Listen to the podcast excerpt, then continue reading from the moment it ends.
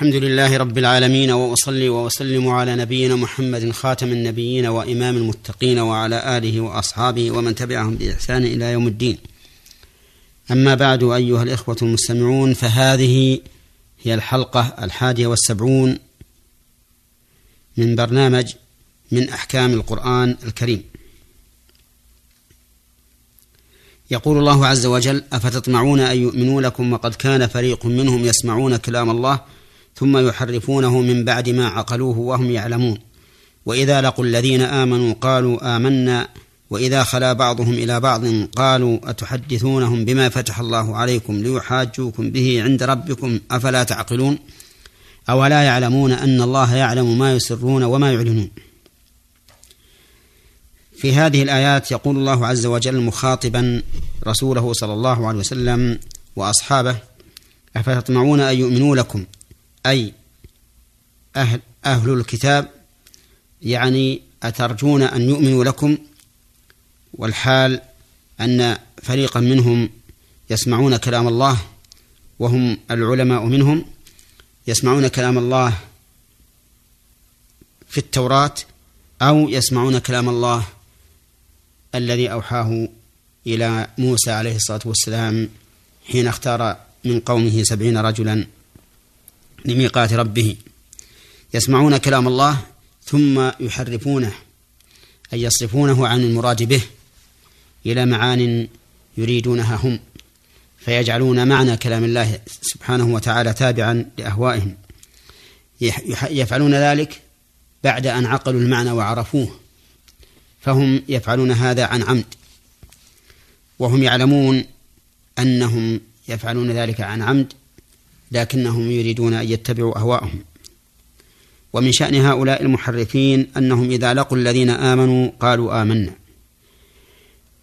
إذا لقوا المؤمنين قالوا آمنا وإذا خلا بعضهم إلى بعض قالوا أتحدثونهم بما فتح الله عليكم؟ أي قال بعضهم لبعض أتحدثون المؤمنين بما فتح الله عليكم؟ بما أعلمكم به وأخبركم به؟ من صفات محمد صلى الله عليه وسلم ليحاجوكم به عند ربكم لأنكم إذا ذكرتم أن محمدا صلى الله عليه وسلم جاء وصفه في التوراة وأنه يبعث ويكون رسولا إلى كافة الناس فإنهم سوف يحاجونكم به عند الله عز وجل. ثم يوبخ هؤلاء أقوامهم فيقولون أفلا تعقلون؟ أفلا تكونوا عقلاء أفلا تكونون عقلاء؟ لا. فتمتنعوا عن تحديث محمد وأصحابه بشيء يحاجونكم به عند الله. قال الله تعالى رادا عليهم أولا يعلمون أن الله يعلم ما يسرون وما يعلنون فهم وإن أسروا وكتموا صفة محمد صلى الله عليه وسلم أو أعلنوها فإن الله تعالى عالم بصنيعهم وسيجازيهم على ما فعلوا من كتمان الحق وتحريف الكتاب. هذا هو معنى هذه الآيات الثلاث.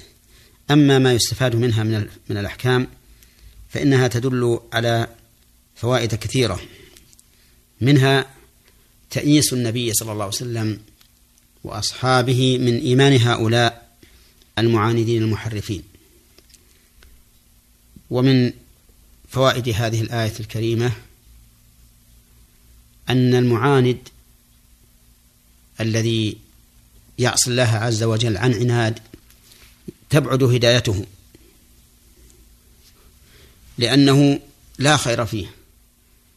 ويدل لهذا قوله تعالى ونقلب أفئدتهم وأبصارهم كما لم يؤمنوا به أول مرة ونذرهم في طغيانهم يعمهون فالإنسان إذا رد الحق أول مرة مع علمه به وفهمه له فإنه يبعد أن الله سبحانه وتعالى يهديه لأن قلبه والعياذ بالله قد زاغ. وقد قال الله تعالى فلما زاغوا أزاغ الله قلوبهم. ومن فوائد هذه الآية الكريمة بل من فوائد هذه الآيات الكريمة إثبات كلام الله تعالى وأن الله تعالى يتكلم ومنها أن كلامه يسمع لقوله تعالى يسمعون كلام الله وهذا يدل على أن كلام الله بصوت مسموع يسمعه من وجه الخطاب إليه. وهذا أمر متفق عليه بين أهل السنة والجماعة ويدل عليه القرآن والسنة. قال الله تبارك وتعالى وناديناه من جانب الطور الأيمن وقربناه نجيا والمنادات والمناجات لا تكون إلا بصوت لكن المنادات تكون بصوت عال لمن بعد والمناجات تكون بصوت خفي لمن كان قريبا. ومن فوائد هذه هذه الآيات الكريمة ذم تحريف الكلم عن مواضعه لقوله تعالى ثم يحرفونه قال أهل العلم وتحريف الكلم ينقسم إلى قسمين أحدهما تحريف اللفظ والثاني تحريف المعنى. فتحريف اللفظ يكون بتغيير الشكل أو تغيير بنية الكلمة وما أشبه ذلك. مثل لو قال لو قرأ قارئ قول الله تعالى وكلم الله موسى تكليما فقال وكلم الله موسى تكليما لكان محرفا للكلم. ولو قال الحمد لله رب العالمين لكان محرفا للكلمة أيضا.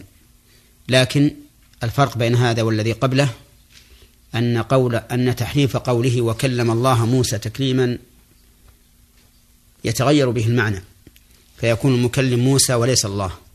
أما الحمد لله رب العالمين فإنه لا يتغير به المعنى ولكنه لا يجوز ارتكابه لأنه تحريف للكلم. وأما تحريف المعنى وأما تحريف المعنى فإنه هو الذي وقع فيه كثير من الناس بحيث يصرف معنى اللفظ عن ظاهره بدون دليل مثل تحريف بعضهم قول الله تعالى الرحمن على العرش استوى فقال معناه الرحمن على العرش استولى ولكنه أبقى اللفظ كما هو فهذا تحريف معنوي وهو بلا شك محرم لأنه قول على الله بلا علم. فإن الله سبحانه وتعالى إنما خاطبنا بالقرآن العربي لنفهمه على مقتضى اللغة العربية إذا لم ينقل المعنى إلى معنى شرعي.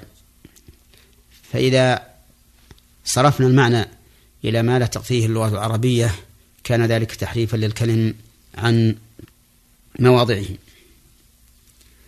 ومن فوائد هذه الآيات الكريمة شدة لوم هؤلاء هؤلاء الذين حرفوا ما سمعوه من كلام الله حيث إنهم حرفوه بعد عقله وفهمه. ومن فوائدها أن تحريف الشيء بعد عقله وفهمه أشد من تحريفه إذا لم يكن قد عقله الإنسان لأنه إذا لم يكن قد عقله قد يكون معذورا بهذا التحريف لأنه لم يعقله تمام العقل. فإذا كان قد عقله كان تحريفه أشد وأعظم. ومن فوائد هذه الآيات أن هؤلاء الذين حرفوا الكلمة عن مواضعه بعد أن عقلوه إنما حرفوه وهم يعلمون أنهم محرفون له فيكون تحريفهم إصرارا على عناد وليس إصرارا عن جهل أو تهاون بل هو إصرار على خطأ متعمد. نسأل الله العافية. ومن فوائد هذه الآيات أن من هؤلاء وأعني بهم بني إسرائيل الذين في عهد الرسول عليه الصلاة والسلام من سلك مسلك النفاق. فصار إذا لقي الذين آمنوا قال آمنت ولكنه إذا خلا إلى قومه صار بعضهم ينكر على بعض لقوله وإذا لقوا الذين آمنوا قالوا آمنا أي آمنا بمحمد صلى الله عليه وسلم لكنهم على خلاف ذلك في الباطن. ومن فوائد هذه الآية الكريمة أن نبوة الرسول صلى الله صلى الله عليه وسلم كانت معلومة عند بني إسرائيل وأنهم يعرفونها تماما ويعدونها من الفتح الذي فتحه الله عليهم. لقوله قالوا أتحدثونهم بما فتح الله عليكم؟ وهذا أمر معلوم بينه الله تعالى في كتابه في قوله الذين يتبعون الرسول النبي الأمي الذي يجدونه مكتوبا عندهم في التوراة والإنجيل يأمرهم بالمعروف وينهاهم عن المنكر ويحل لهم الطيبات ويحرم عليهم الخبائث ويضع عنهم إصرهم والأغلال التي كانت عليهم. وقد بشر به عيسى قومه فقال إني رسول الله إليكم مصدقا لما بين يدي من التوراة ومبشرا برسول يأتي من بعد اسمه أحمد. فصلوات الله وسلامه عليه وعلى آله وأصحابه ومن تبعهم بإحسان إلى يوم الدين. والحمد لله رب العالمين. وإلى حلقة قادمة إن شاء الله تعالى.